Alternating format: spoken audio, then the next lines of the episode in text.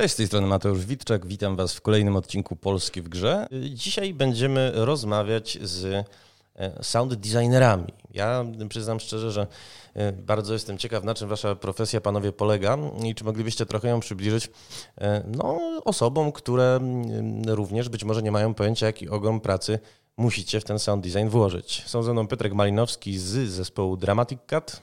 Dzień dobry. Oraz Marcin Sobczak, Flying Wild Hawk. Cześć. A wcześniej People Can Fly. Tak jest. E, panowie, no to zacznijmy, by odpowiednio dać rzeczy słowo od kwestii absolutnie definicyjnych. Co to właściwie ten sound design jest? W dużym skrócie, mi się zawsze podobała taka metafora, którą gdzieś tam wysłyszałem na, na TEDzie, że sound design to jest sztuka kłamania. I to jest, to jest takie bardzo hasło mysterious, ale mhm. jednocześnie ma w sobie wiele prawdy, bo tak naprawdę naszym zadaniem jest e, stworzyć jakąś kreację dźwiękową, która jest atrakcyjna dla ucha, ale niekoniecznie jest e, symulacją świata, co, o czym często ludzie zapominają. E, I na tym troszkę też ta nasza praca polega, że tak naprawdę jeśli wykonamy ją odpowiednio, to bardzo często ludzie nie powinni jej zauważyć. Troszeczkę jak, jak z lektorami, którzy powinni być troszeczkę w cieniu, też naszym zadaniem jest to, żeby te dźwięki były atrakcyjne, ale jednocześnie trzymały odbiorcę w tym imersyjnym świecie, który staramy się wykreować. A to takie dość chyba niekomfortowe, bo faktycznie wasza praca, jeżeli jest dobrze zrobiona, no to właściwie powinno się jej nie zauważać.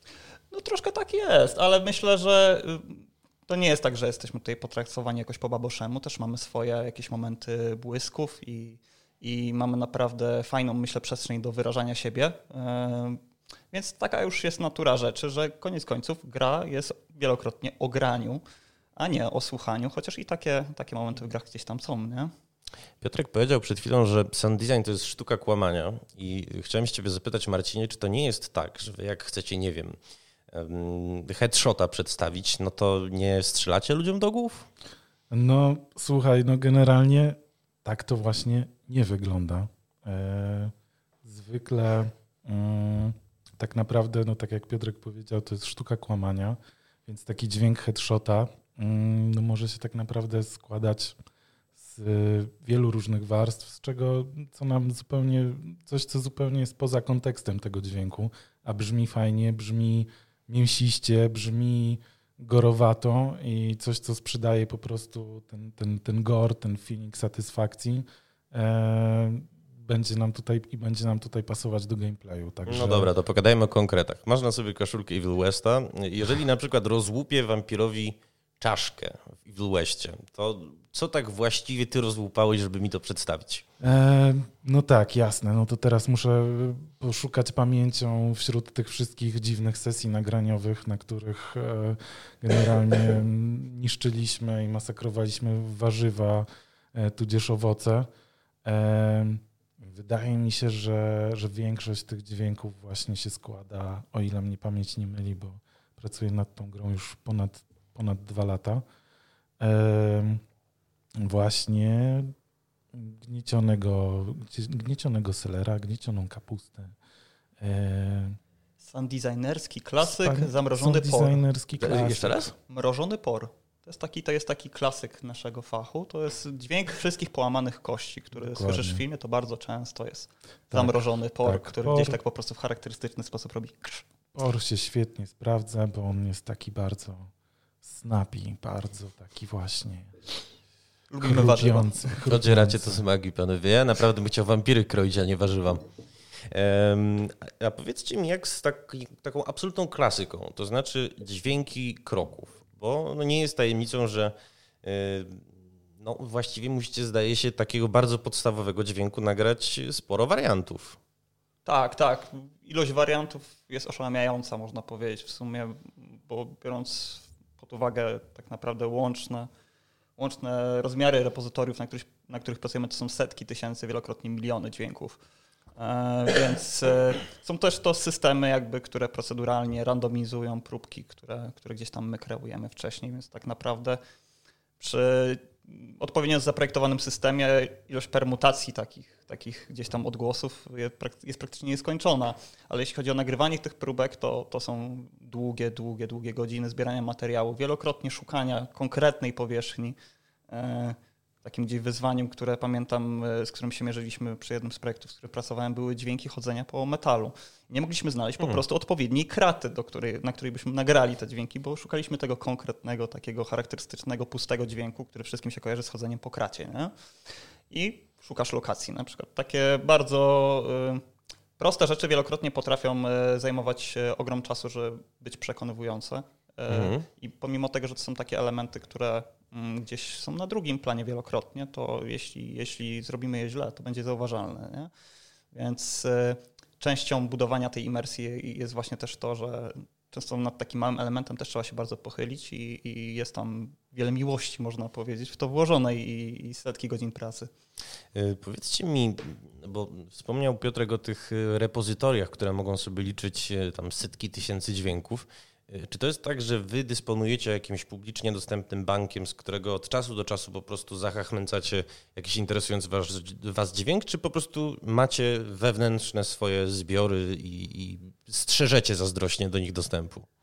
Mm, to znaczy, myślę, że najpierw to tutaj zacznijmy od tego, że chyba Piotrkowi chodziło o repozytorium projektu, Aha. czyli e, czyli po prostu repozytorium, na którym wszyscy deweloperzy pracują na projekcie.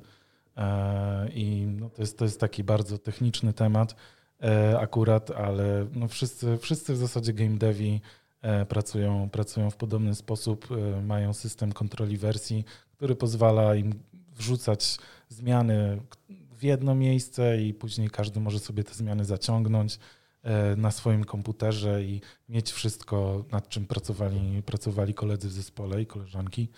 E, natomiast wracając do Twojego pytania o, o banki sampli e, i, i tak dalej, no to e, myślę, że tutaj jakby każdy, każdego sound designera, każdego dźwięk, dźwiękowca takim chyba no, świętym gralem jest po prostu wrzucenie jak największej ilości własnych nagrań. Zresztą, zresztą nagrywanie własnych dźwięków to jest fenomenalna przygoda, która niejednokrotnie łączy się z tak zwanymi happy accidents, e, gdzie po prostu e, przez zupełny przypadek nagrywa się coś, o czym się zupełnie no, nie, miało, nie miało się w ogóle tego w planach, albo, albo nie miało się no, kompletne, kompletne przypadki zrządzenia e, losu i tak dalej. I później się okazuje, że to jest super dźwięk do czegoś i i świetnie siedzi do na przykład jakiegoś tam stworka albo, albo, albo nie wiem, e, abilitki gracza i, i, wszystko, jest, i wszystko siedzi idealnie. Także, także przede wszystkim myślę, że, że staramy się nagrywać własne rzeczy. E, no a poza tym, no wiadomo, jakby jest, jest mnóstwo, mnóstwo rzeczy do kupienia wyprodukowanych przez innych dźwiękowców, więc się wspieramy takimi materiałami. Tak, tak. Tak jak tutaj właśnie było wspomniane, jest to taka niesamowita przygoda też, szukanie tych dźwięków, bo kiedy wychodzisz rzeczywiście ze sprzętem i, i masz z tyłu głowy, że szukasz czegoś, y, to, to, to jest bardzo specyficzny mindset. Rzadko mhm. przemieszczamy się po ulicy i, i, i, słuchamy rzeczy. Jesteśmy tak na co dzień osłuchani z tym naszym environmentem, a dla nas taką codziennością jest to, że przechodzimy i słyszymy gdzieś tam świszczący na przykład nie wiem, ostatnio u mnie na ulicy y, świszczy studzienka ostatnio w bardzo charakterystyczny sposób, co mnie sprowokowało do tego, żeby złapać sprzęt i ją nagrać.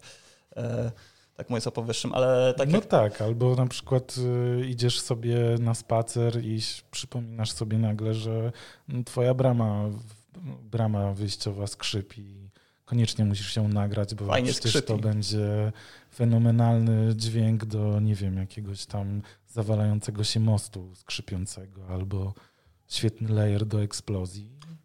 No, ale też należy też wspomnieć, że to nie jest tak, że każdy to jest alfą i omegą i nagrywanie sampli to jest bardzo czasochłonny proces. Są ludzie, którzy się konkretnie w tym specjalizują. To jest oddzielna mhm. gałąź naszego rynku. E, I też nagrywamy takie biblioteki często po prostu, kiedy się da i, i tak jak y, ty, Marcin, powiedział, że najzwyczajniej w świecie mm, gdzieś tam się wspieramy też wielokrotnie pomiędzy sobą. My na przykład mieliśmy taką okazję fajną gdzieś pojechać też do Niemiec, nagrywać motocykle. I w tym momencie mamy mm, serię bibliotek gdzieś dźwiękowych e, z jakimiś superbajkami i różnymi takimi rzeczami. I dzięki temu może komuś oszczędziliśmy trochę czasu za odpowiednią jakby kompensatą. Nie? Więc jest to też oddzielna rzecz w ogóle na rynku i są ludzie, którzy robią to z niesamowitą dozą artyzmu. To należy powiedzieć, że to też jest sztuka. Samą, sama rejestracja tego dźwięku, pomimo że wydaje się to często taka pomijalna kwestia, to tak samo jak z fotografią. To, to po prostu potrafi być na swój sposób piękne. A jak często zdarzają się Wam takie wyjazdowe nagrania? To znaczy, zastanawiam się, czy częściej siedzicie w studiu i tam po prostu staracie się no, oddać pejzaż dźwiękowy, jaki później będziemy słyszeć w słuchawkach, czy może wyprawiacie się, nie wiem, do miejsca XYZ, żeby nagrać to, co Was interesuje? No, myślę, że to, że to szczerze mówiąc, trudno mi jest tak jednoznacznie powiedzieć, bo mhm. u mnie to wygląda bardzo różnie. E, ja zresztą też pracuję w taki sposób, że zawsze gdzieś tam mam podpięty mikrofon, żeby, żeby właśnie się później nie męczyć z kablami i, tak dalej, i tak dalej. Jest po prostu w zasięgu ręki, więc e, jak się pojawi, mam też swój jakiś tam zbiór różnych rekwizytów do imitowania dźwięku, co też jest w ogóle oddzielne, oddzielna też trochę gałąź, można powiedzieć. Jakie to rekwizyty? A wiesz co, no właśnie na przykład co takiego. Ostatnio, ostatnio swojemu synowi podwędziłem zresztą taki wielki, e, wielki balon ze strasznie grubego plastiku, który służy do, do tego, żeby go nagdmuchać, żeby był wielki i się na nim po prostu siedzieć.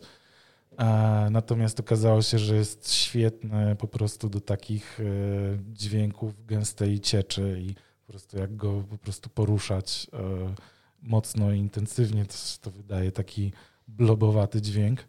E, no i to są tego typu rzeczy. Rzeczy, które, które gdzieś tam się czasem znajdzie i, i się stwierdzi, że o, może, może zachowam tutaj, wrzucę do szafki i, i kiedyś wykorzystam jako, jako, jako prop. No faktycznie sztuka kłamania, nie kłamałeś, nomen nomen Piotrze. A powiedzcie mi, gdybyście mieli wskazać takie produkcje, które w ostatnich latach rzeczywiście zrobiły na waszym poletku trochę zamieszania, bo mnie w oczywisty sposób przychodzi do unpacking, bo po prostu nie dało się nie zwrócić uwagi na sound design. To znaczy, jeżeli masz na, nie wiem, w sześciu miejscach, dajmy na to łóżka, do ułożenia jakiś przedmiot i on w każdym z tych miejsc brzmi nieco inaczej, no to jest to dla mnie dowód niesamowitego pietyzmu. Dla mnie taką grą osobiście chyba już sprzed kilku lat, ale mhm. taką, która pamiętam, że, że, że bardzo na mnie zrobiła jakby duże wrażenie, to był Hellblade. I te wszystkie e, nagrane tutaj czatery wokół głowy. Uży, uży, dokładnie, użyli mikrofonu, który jakby symuluje e, zachowanie naszego słuchu, więc e, tak naprawdę jest to o tyle ciekawe, że nie chodzi o samo dobranie mikrofonu, ale również performance. Ten mhm. performance, mhm. myślę, miał tam duże znaczenie. To brzmi, myślę, bardzo fajnie w tym kontekście gry, który stworzyli. Ale przy okazji trzeba zaznaczyć, że kiedy nagrywali te wszystkie głosy, e, które tam pojawiały się w naszej głowie, tak naprawdę możemy zobaczyć w, w postscenach, że to były aktorki, które chodziły wokół mikrofonu cały czas, ruszały się i mówiły.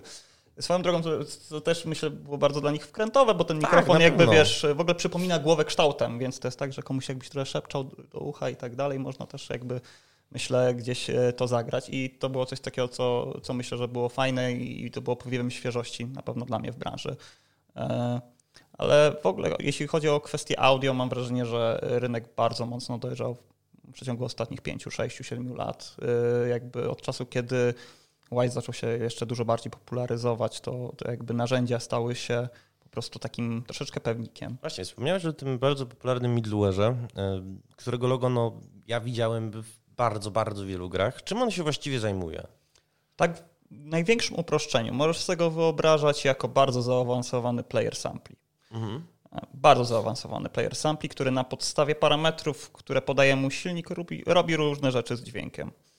E, więc tak naprawdę, kiedy my myślimy o integracji dźwięku w e, środowisku, myślimy o nim w kontekście dwuetapowym, czyli tak naprawdę chodzi o wywołanie odpowiedniego triggeru w grze oraz e, odpowiedniego zachowania Wise'a, bo są tam również pewne logiki, pewne jakieś zachowania, które koniec końców jakby składają się na ten całokształt dźwięku, który jest gdzieś tam przekonywalny. Czyli na przykład Wise odpowiada za to, że kiedy obiekt się oddala, to zaczynasz go słyszeć ciszej, zaczyna mhm. być troszeczkę bardziej przytłumiony i tak dalej. E, to służy między innymi do tego. Mm, I tak naprawdę mi się wydaje, że ta, to określenie bardzo zaawansowany player jest tutaj wyjątkowo trafne, bo, bo, bo w praktyce tym jest. Jest to o tyle znaczące i kluczowe dla nas narzędzie, że należy wspomnieć, że nie każdy silnik wspiera implementację audio, zwłaszcza wielokrotnie jakby silniki, które są robione in-house'owo, przemyślane bezpośrednio pod Wise'a, pod Fmoda, mhm. nie mają nawet modułów odpowiedzialnych za samodzielne granie audio. E, więc jest to jakieś takie narzędzie, które stało się troszeczkę standardem branżowym. Oprócz tego mamy Fmoda, który jest analogicznie podobny. Tutaj są jakieś różnice w licencjach i tak dalej. Jakby jakby program licencyjny Fmoda powoduje, że jest troszeczkę bardziej popularny w indykach, bo jest bardziej przystępny po prostu. Mhm. No i, i, tak, tak ogólnie o to chodzi, można powiedzieć, w dużym skrócie. Ale jest to temat, na którym mogliśmy spędzić, myślę, resztę rozmowy, bo, bo tak samo jak... Dopytam tylko jedno i w takim razie może Marcina, bo słuchając jak y, postaci brzmią w The Last of Us Part 2, nie uszło mojej uwadze, że bardzo dużo tam jest takich niuansów e, na zasadzie, że jestem w stanie wydedukować, że postać jest tam w pomieszczeniu za mną, e, nie wiem, po, jestem w stanie ją w cudzysłowie zobaczyć, pomimo tego, że jej nie widzę, co zresztą bardzo sobie chwalili też gracze niewidomi. Czy to jest takie możliwości te middleware stwarzają, ten Fmode i Wise, czy może tutaj musieli faktycznie pracownicy Naughty Dog swoją jakąś tam mrówczą pracę wykonać w tym celu? No to jest ciekawe, ciekawe pytanie. Akurat, akurat trafiłeś też w dziesiątkę, bo ja akurat jestem, jestem fanem, fanem bardzo gier Naughty Doga i Uhu. uwielbiam po prostu e, to, co robi Audio Team e, właśnie w E, w, w gierkach Naughty Doga jest po prostu niesamowitym, niesamowitym po prostu ilością detali po prostu do tego podchodzą.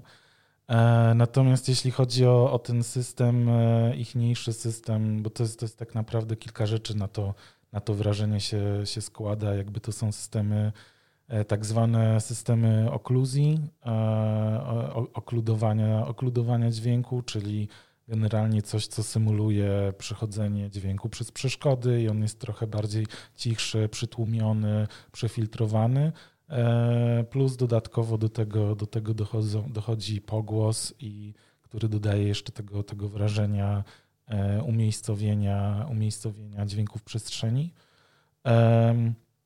I e, akurat jeśli chodzi w przypadku Naughty Doga, no to jakby oni z tego, co, z tego co wiem, na tyle, na ile mogą ludzie z zewnątrz, e, z zewnątrz na, na tyle, na ile mogą wiedzieć, co tam, e, co tam siedzi w, w ich silniku, no to jest to zupełnie customowe rozwiązanie, które, które oni uszyli do właśnie, zdaje się, przy pierwszych lastach i nad tym właśnie jest to, jest to chyba dzieło jednego z ich, z ich programistów.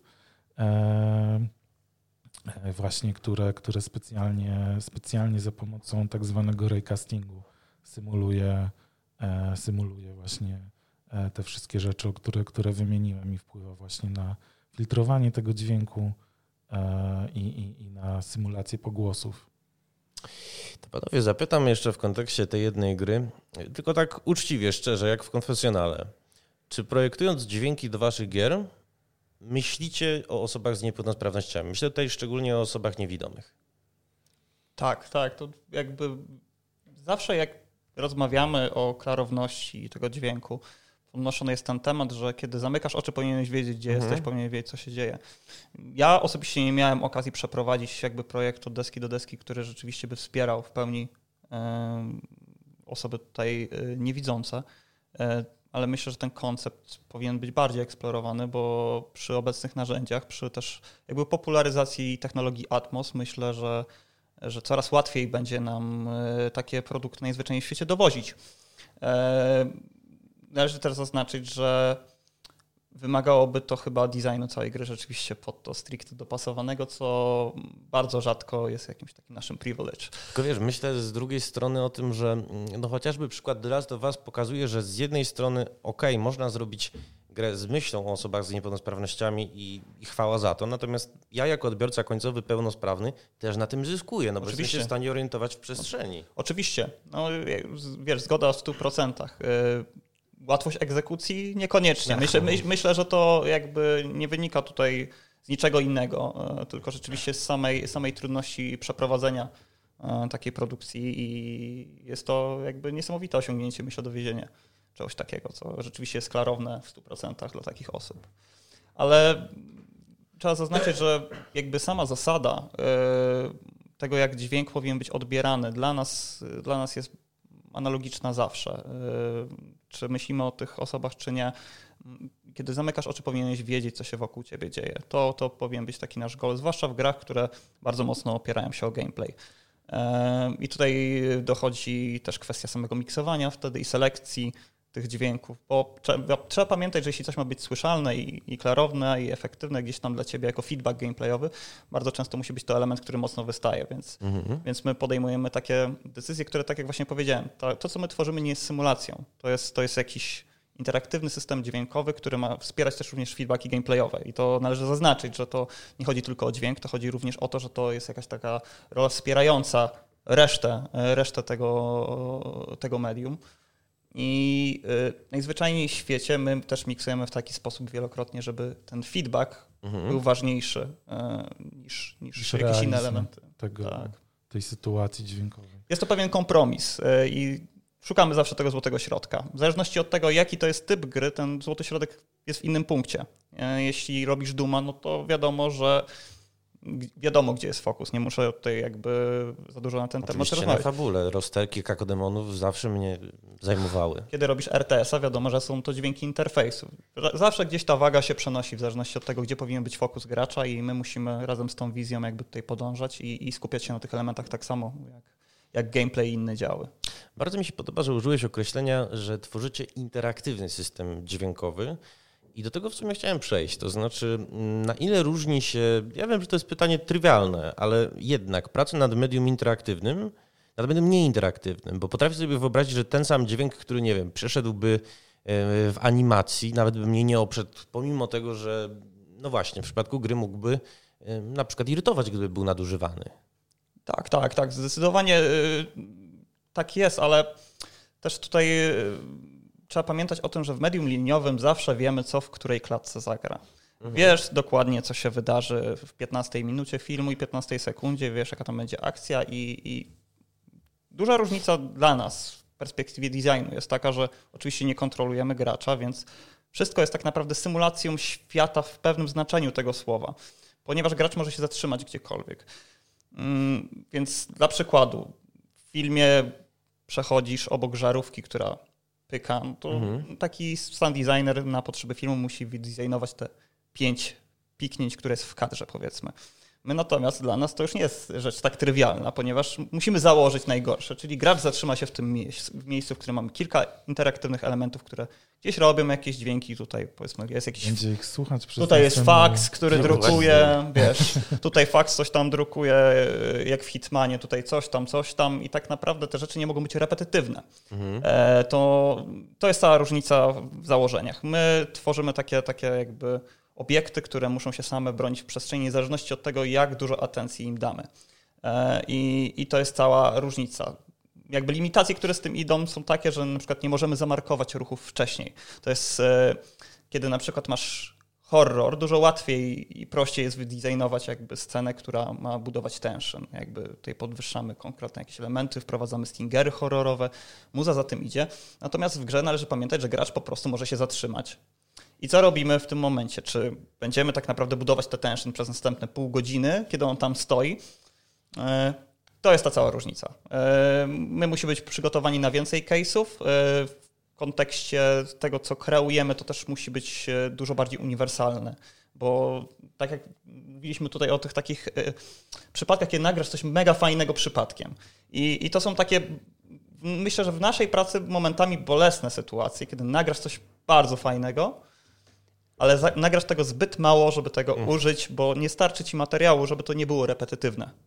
Kiwa Marcin głową. No niestety, niestety takie sytuacje się zdarzają i później, później trzeba szukać jakichś różnych e, sztuczek czy patentów, żeby trochę, trochę tego sobie e, source'u więcej wytworzyć.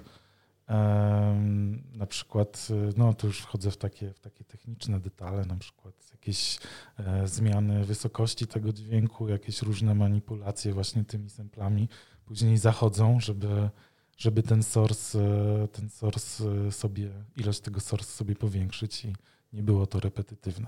Ale wydaje mi się, że, że tutaj w ogóle warto w ogóle też się zatrzymać na chwilę, bo wydaje mi się, że w ogóle dotarliśmy do bardzo ciekawego tematu w zasadzie e, no, esencjonalnego, jakby tutaj jak rozmawiamy o sound designie, o, o game audio w zasadzie, o dźwięku w grach, gdzie w zasadzie no, ta różnica dla nas e, jakby mi się wydaje, mm, jako dla sound designera, jakby to też Piotrek o czym mówił, to też są takie techniczne mm, jakby rzeczy, które jakby z różnych tam technicznych sytuacji też wynikają, natomiast y, mm, warto pamiętać o tym, że, y, że to jest po prostu medium interaktywne i jakby to brzmi, brzmi może jak, jak, jak taki wytarty, przytarty frazes. już mhm. frazes, natomiast y, on to naprawdę bardzo dużo zmienia. E, bardzo dużo zmienia w momencie, kiedy e, doświadczamy czegoś poprzez interakcję, jakby cała, cały odbiór audiowizualny takiego zdarzenia jest zupełnie, potrafi być zupełnie inny i e, no to, jest, to jest też taki fajny, myślę, że eksperyment dla ewentualnie dla naszych słuchaczy, żeby na przykład sobie obejrzeć czyjś gameplay i go posłuchać, a później spróbować go doświadczyć w jakiejś grze e, w tym samym, w tym samym momencie i okaże się, że to są zupełnie, zupełnie inne doświadczenia. I no to, są, to są takie rzeczy, które moim zdaniem jakby esencjonalnie zmieniają wymiar naszej pracy. E, I wydaje mi się, że to jest coś, o czym my znacznie więcej myślimy jako są designerzy w grach o, o tym po prostu, że to, jest, są, to, że to jest w jakimś sensie oparte na interakcjach. E, czy, to, czy to jeśli chodzi o, o tę techniczną stronę, jak my tym dźwiękiem już będziemy, będziemy operować, czy e, po prostu nad, e, nad tym samym odbiorem tego przez gracza. I no i tutaj jest właśnie, właśnie mi się wydaje, że ta podstawowa taka chyba najważniejsza różnica właśnie między medium e, liniowym a, a, a agrowym, a interaktywnym to jest, to, jest, to jest właśnie to, że my bardzo często e, potrzebujemy dawać ten feedback graczowi, potrzebujemy się skupiać na tej interakcji, na tym gameplayu i, i to jest w zasadzie ta najważniejsza e, wartość dla nas w audio, tak mi się wydaje. Skoro już napomknęliśmy w ogóle o fakapach, to znaczy tutaj była historia o dźwiękach, które trzeba później modyfikować, żeby móc je wykorzystać, stworzyć sobie jakąś tam e, liczbę wariacji tego, co się już nagrało. Powiedzcie mi, czy, bo nie jest tajemnicą, panowie zjedliście na tej profesji zęby, jeszcze nie komplet sztucznych szczęk, ale zęby owszem. E, jakie są takie najczęstsze błędy w pracy sound designera? Takie powiedzmy, nie wiem, frycowe, które musi zapłacić każdy, kto do tej profesji wchodzi.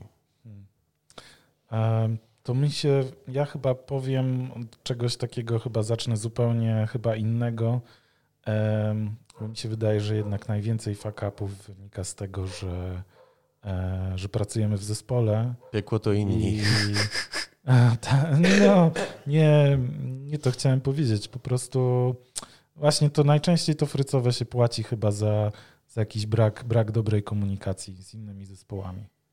E, i później się okazuje na przykład, że e, na dwa dni przed wysyłką Milestona wjeżdżają, mm, wjeżdża, nie wiem, godzina nowych cutscen i dowiadujemy się na końcu. E, to są też, to są też w ogóle takie, no dla naszej, wydaje mi się, że też dla naszej profesji bardzo specyficzne rzeczy, bo my jesteśmy w pewnym sensie na, na samym końcu tego łańcucha produkcyjnego. Mhm. No jakby w zasadzie w zasadzie dla nas no, niezbędne jest to, żeby, e, żeby, żeby to, co jest, to, co mamy udźwiękowić, do czego mamy zrobić ten dźwięk, e, było reprezentowane w jakiejś interaktywnej lub wizualnej formie już w grze, czyli albo musi być już zbudowany gameplay pod to, albo musi być, e, muszą być animacje, muszą być no, mnóstwo różnych elementów, zanim też my będziemy mogli przyjść i dodać ten trigger z naszym dźwiękiem. Więc wszystkie takie fakapy, które dzieją się po drodze, wszystkie różne, różne opóźnienia, brak przepływu informacji, jakby no nas, nas dotyka, na nas się odbija na, na samym końcu. Skoro Marcin powiedział o największym fakapie, to Piotrka poproszę o największy mit związany z waszym zawodem. Mit związany z naszym zawodem? O Boże. E, nie wiem, mi się... Mity, myślę, że jesteśmy wampirami, tak się mówiło kiedyś, e, że nie wychodzimy ze studio i dlatego jesteśmy tacy bladzi, e, więc to tak, taki z tych żartobliwych. Natomiast mm, Myślę, że akurat nasz zawód nie cierpi na, na jakąś dozę mitów. Myślę, że ludzie raczej traktują nas jak takie, takie gdzieś tam oddzielne poletko, które nie do końca jest zrozumiałe, mhm. E, bo mam wrażenie, że troszeczkę łatwiej i większe grono też odbiorców e, znajduje łatwość interpretacji sztuk wizualnych. E, gdzieś obraz jest mimo wszystko dla nas łatwiejszym do interpretacji bodźcem. Mm, I myślę, że to, to stąd też e, żyjemy trochę w jego cieniu. Ale tutaj już żarty na bok. Ja myślę, że, że takim właśnie rzeczą, której ludzie nie rozumieją w naszym zawodzie, trochę jest to, że my naprawdę kreujemy coś, co wielokrotnie jest skrajnie zabawnie, głupie. To jest bardzo, myślę, przez wszystkich sound designerów lubiana część pracy, kiedy robisz coś z czegoś, co nigdy nie powinno zostać do tego użyte. E, nie będę tutaj przytaczał swoich e, jakby tej opowieści może, bo, bo, bo nie wiem, czy powinienem najzwyczajniej w świecie. Wypada, to e, ale, ale mogę rzucić tutaj bardzo... Wyznani. Mogę rzucić bardzo epicki przykład jakby sound designu, ale nie w kontekście gier, ale muzyki, bo również jakby sound mhm. design tak samo jest pojęciem na rynku muzycznym, bo ktoś kreuje te sample, te wszystkie kiki, basy i tak dalej. No i tutaj y, każdy na pewno jest mniej lub bardziej zaznajomiony z Deadmause'em, który jest gdzieś tam znanym producentem rzeczywiście na scenie. Y, Deadmau5 wypowiedział się kiedyś, że prawdopodobnie tego nie wiecie, ale słyszeliście bardzo dużo jego klapnięć w tyłek. On uważa, że najlepszym sposobem na nagranie takiego mięsistego kika to jest taki przysłowiowy klaps, który nagrał swoim iPhone'em i tak nagrał taki sample i to jest kick w bardzo dużej części jego utworu. Gdzieś tam oczywiście jako jedna z wielu warstw ale jest i może o tym powiedzieć potem. I my bardzo często robimy takie głupie rzeczy, głupie eksperymenty jakby z dźwiękiem, e, typu, nie wiem, przepuszczanie dźwięku przez rurę od odkurzacza, co, co mi się zdarzyło w jednym z projektów i, i to powodowało taki efekt jakby, rzeczywiście dla dźwięku to potem w praktyce brzmi jakby był za szkła. To jest zabawne. Hmm. E, dużo sztuczek. Ostatnio mm, gdzieś tam razem z moim teamem designowaliśmy dźwięk w takim klimacie anime dla, dla takiego robota. E, dla gry, która jest osadzona w setupie e, bardzo klasycznego anime. I ten robot został stworzony z akordeonu dla przykładu. I on hmm. jakby dźwięk, dźwięk przepuszczony przez odpowiednie filtry i tak dalej, więc e, wielokrotnie ta taka próbka wejściowa potrafi być no, najzwyczajniej w świecie nie tym, czego odbiorca mógłby się spodziewać. Tak samo jak, jak nawet w takich klasykach, czy to kina, czy gier, czyli uderzeniach. Tutaj taki znany przykład, myślę, bardziej opinii publicznej, czyli ciosy kung fu to w praktyce są e, kije bambusowe uderzające w wycieraczki. Serio? Tak. To jest, stąd masz ten świst, te nie wierzę. Oglądałem właśnie Polecam ostatni naj... sezon Cobra Kai. To się wszystko dzieje naprawdę. Naprawdę, no.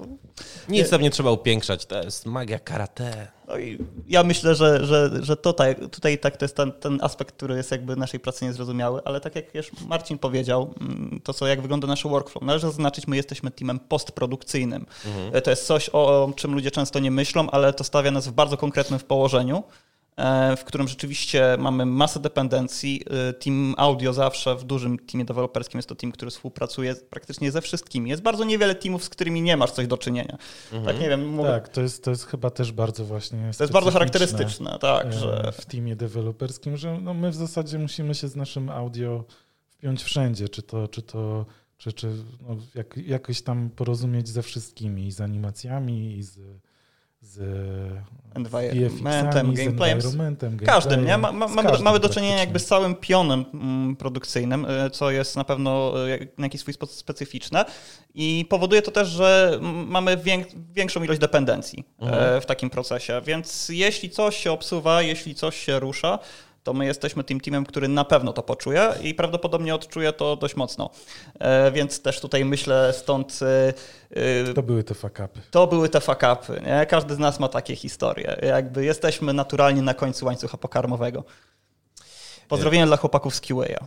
Bardzo, bardzo mi się podobało to zdanie, którego użyłeś. Ludzie nie rozumieją, jak głupią robotę wykładujemy. To właściwie kiepsko i akurat kiepsko by brzmiało w CV, ale ja nie o tym. E, skoro w takim razie jest to praca, która często jest niewidoczna, nieoceniana, w dodatku no, prowokuje do tego, żeby mieć kontakt z ludźmi, to z masą ludzi, to panowie, co was w ogóle co Was y, skłoniło do tego, żeby podjąć takie wybory życiowe i od razu dwa pytania w cenie jednego. Przygotowując się do tej rozmowy, rozmyśliwałem, czy akurat sound design nie jest y, tą dyscypliną, której by się dało uczyć na uczelniach wyższych. No bo jest masa związanych z tym studiów i o ile czasem różni ludzie poddają pod wątpliwość y, zasadność edukacji o game devie, wydaje mi się, że to akurat może być wyjątek. Myślę, że jest to na pewno taka materia, która jest bardziej podatna na to, mam mhm. wrażenie. Y, ale też należy pamiętać w tym, że koniec końców, ja to tak uważam, że jest za tym stojący artyzm. E, to tak mam wrażenie, że to zawsze z ludźmi, z którymi się jakby gdzieś po drodze spotkałem i, i, tymi, którzy wywoływali na mnie największe jakieś wrażenie jako designerzy, to koniec końców byli artyści. Myślę, że to jest taki, taki klucz, że może, ja nie wierzę w to, że artyzmu da się wyuczyć, ale mhm. wierzę w to, że da się komuś pokazać, jak odblokować swój potencjał. I myślę, że, że to jest y, bardzo duża tutaj odpowiedzialność na uczelniach wyższych, które w tym momencie podejmują się tego tematu, bo, bo wypuszczają na rynek bardzo dużo ludzi, którzy muszą pamiętać o tym, jakimi zasadami ten rynek się rządzi mimo wszystko. E, I to nie jest tak, e, jak e, było w opowieściach naszych rodziców. To, to nie są wczesne 90. ani wczesne 2000. Rynek nie, jest kompetywny. Realny paradygmat się załamał? Nie, no jakby jakość pracy, a, a nie edukacja mimo wszystko. Co nie zmienia faktu, że mnie osobiście bardzo, bardzo cieszą takie, takie, takie inicjatywy.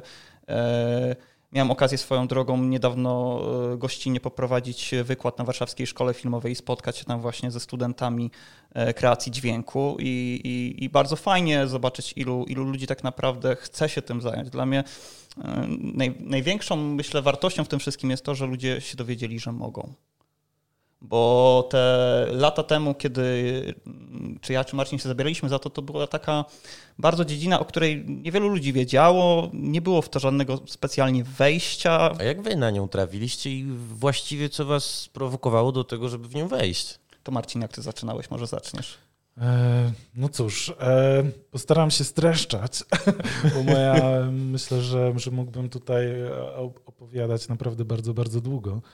E, natomiast e, no myślę, że zacznę, zacznę od tego, że, że gdzieś tam e, chyba zaczęło się chyba od tego, że, że w moim życiu to gdzieś tam zawsze funkcjonowały i komputery, i ta fascynacja audio. To na pewno gdzieś tam, jak sobie myślę wstecz, to, to gdzieś tam.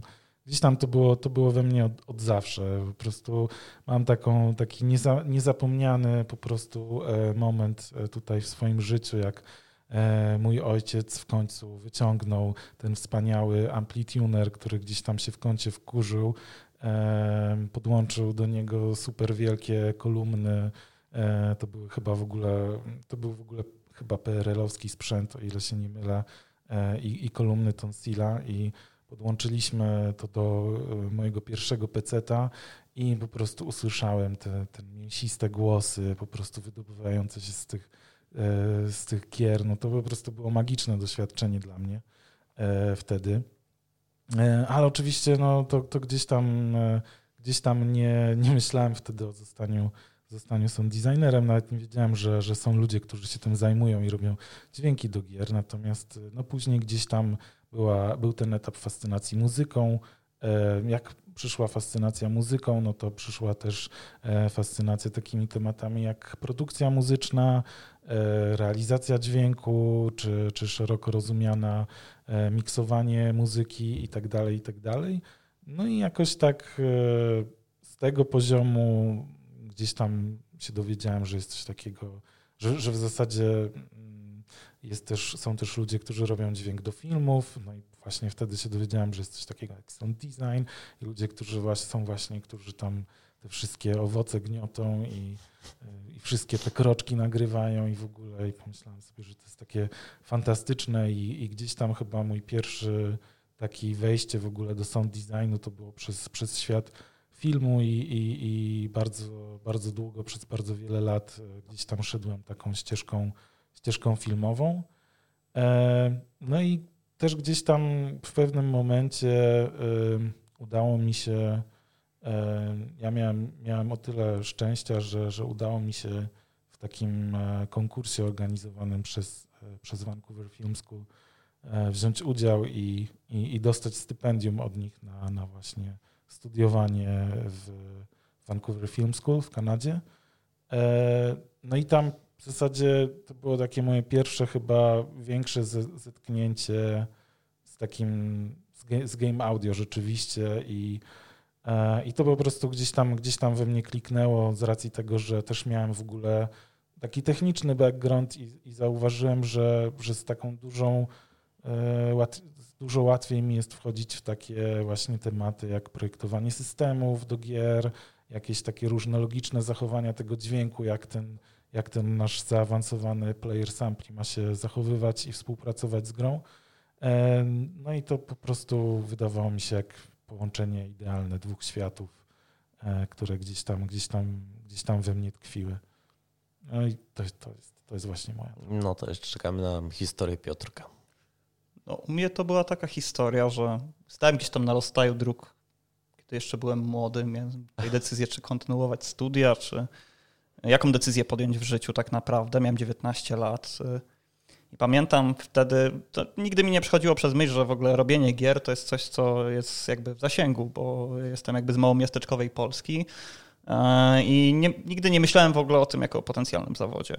Ale w pewnym momencie właśnie mi mój szwagier tutaj powiedział, co ty byś chciał w życiu robić? Ja pamiętam, że mu wtedy odpowiedziałem, że albo coś z muzyką, albo coś z grami komputerowymi. To była taka naturalna odpowiedź. On wtedy mi powiedział, no ale wiesz, w Warszawie jest CD Projekt, yy, może szukają testerów, słuchaj, może byś zaaplikował.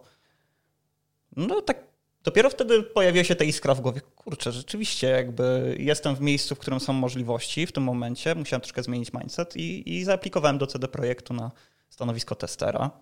E, pierwsza rozmowa, druga i zostałem przyjęty. Mm, gdzieś tam na początku na stanowisko niezwiązane w ogóle z audio. A historia moja z audio jest kuriozalna, bo mm, tak jak tutaj rozmawialiśmy przed rozpoczęciem nagrania, bardzo dużo rozmów odbywa się na papierosie. E, w dużych firmach. I właśnie w trakcie jednej z takich rozmów e, nieświadomie wszedłem w dyskusję na temat sprzętu audio e, z jednym z senior sound designerów, mhm. Mm, który mocno zainteresował się moją osobą wtedy nie bez powodu, ponieważ premiera Wiedźmina III się zbliżała. Rok do pracy ogólnie nigdy nie jest za dużo. Mm, I on zaproponował mi, żebym pełnił taką rolę supportową dla teamu audio i został dedykowanym testerem teamu audio wtedy. E, I to była jakaś taka moja pierwsza przygoda, ja się na to zgodziłem. E, w ogóle dla mnie to był niesamowicie euforyczny okres w życiu, e, bo, bo jakby nagle wszystko się poukładało. Moje stanowisko testerskie polegało na tym, że tak naprawdę dbałem o całą jakość tego Wiedźmina trzeciego, jednocześnie pomagałem chłopakom już z jakimiś pierwszymi operacjami typu implementację muzyki do świata gry, czy implementację animacji. Tak jakoś funkcjonowałem tam przez mniej więcej 15 miesięcy, czy cokolwiek, okolice tego i zostałem junior sound designerem. No i tak się jakoś to rozkręciło. Osiem lat życia spędziłem w CD Projekcie.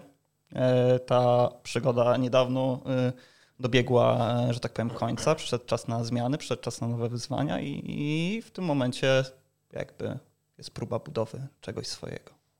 Przypominam, że Piotrek jest przedstawicielem ekipy Dramatic Cut Sound Solutions nawet jest tutaj, czego nie widzicie w bardzo gustownej koszulce. Powiedzcie mi jeszcze tak już zbliżając się do zakończenia właściwie naszej rozmowy dzisiaj. Rozumiem, że po nagraniu musi no, odbyć się ten etap edycji, później masterowania tego dźwięku, miksów. E, ile właściwie czasu trzeba spędzić przy, no jakby nie było mniej, tak mi się przynajmniej wydaje, ekscytującej części tej profesji? Mniej. Ja tutaj podnoszę ten. Weto? Podnoszę weto delikatne. No Myśl, myślę, że to jest bardzo, bardzo fajny, kreatywny proces.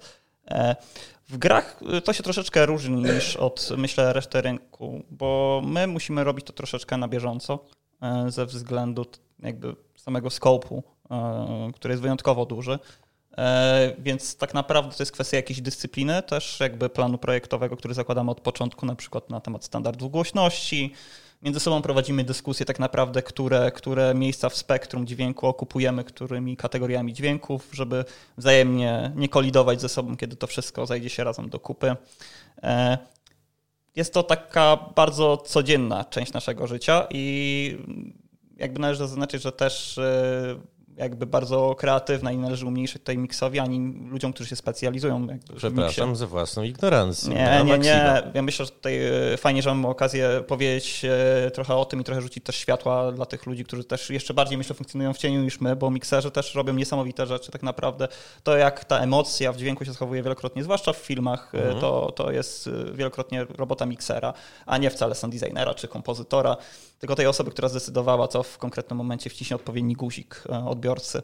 E, dla nas jakby zazwyczaj poświęcamy okres na końcu projektu i w praktyce to wygląda tak, że tyle, ile się da, bo zawsze jest to za mało. Chcielibyśmy idealnie poświęcić na przykład z dwa miesiące, ale wiemy, że w praktyce, kiedy kończymy taki projekt, inne działy, tak samo jak my, chcą dowieść jak najlepszą robotę. I nie możemy stawać tutaj na drodze szczęścia, żeby ktoś poprawił tą animację albo ktoś poprawił tą scenę, kiedy rzeczywiście widzimy, że jakość idzie w górę z każdą taką zmianą. Więc na, najczęściej na rzecz wspierania takich wewnętrznych inicjatyw projektowych my gdzieś kurczymy ten czas na miks i, i, i robimy go na samym końcu końcu. Ale też wiadomo, że on musi być zrobiony z natury na samym końcu, bo potrzebujemy wszystkich elementów. Ale, ale tak, y, dla nas jest to troszeczkę inne. Jak tak powiedziałeś o miksie i masteringu, na przykład no, dla nas mastering to jest takie pojęcie, które w sumie y, średnio znajduje zastosowanie, bo mastering w sumie to jest pojęcie, które jest stosowane gdzieś tam na albumach muzycznych. My mhm. robimy coś analogicznego do tego procesu, ale, ale myślę, że bardziej należałoby to chyba wrzucić w kategorię miksowania gry mhm. niż masteringowania.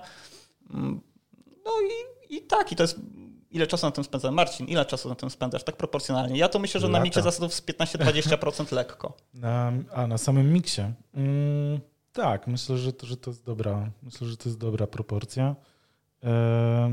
No tak, tak. Myślę, że myślę, że też tutaj jakby myślę, że dużo, dużo teamów gdzieś tam się stara e, jakoś tam utrzymywać ten miks e, w higienie, że tak to ujmę przez cały okres e, developmentu projektu, e, żeby to w miarę, w miarę te poziomy głośności dźwięku jakby w miarę, w miarę gdzieś tam dobrze funkcjonowały, natomiast rzeczywiście taki final touch to rzeczywiście jest koniec projektu. Powiem wam, że aż sobie zapisałem, bo taką niemalownicza myśl naszła, że kroicie warzywa i wysyłacie je do miksera. Coś w tym jest. Można tak to spuentować. Coś w tym jest. Coś w tym jest. Natomiast ze mną dzisiaj e, byli Piotrek Malinowski z ekipy Dramatic Cat e, oraz e, jakoś się pożegnaj. Dziękuję. Nie ma złat, spokój. oraz Marcin Sobczak, Flying Wild Hawk. Dzięki. Czyli panowie wdzięczni i dźwięczni, że pozwolę sobie na sucharek na koniec. Do zobaczenia.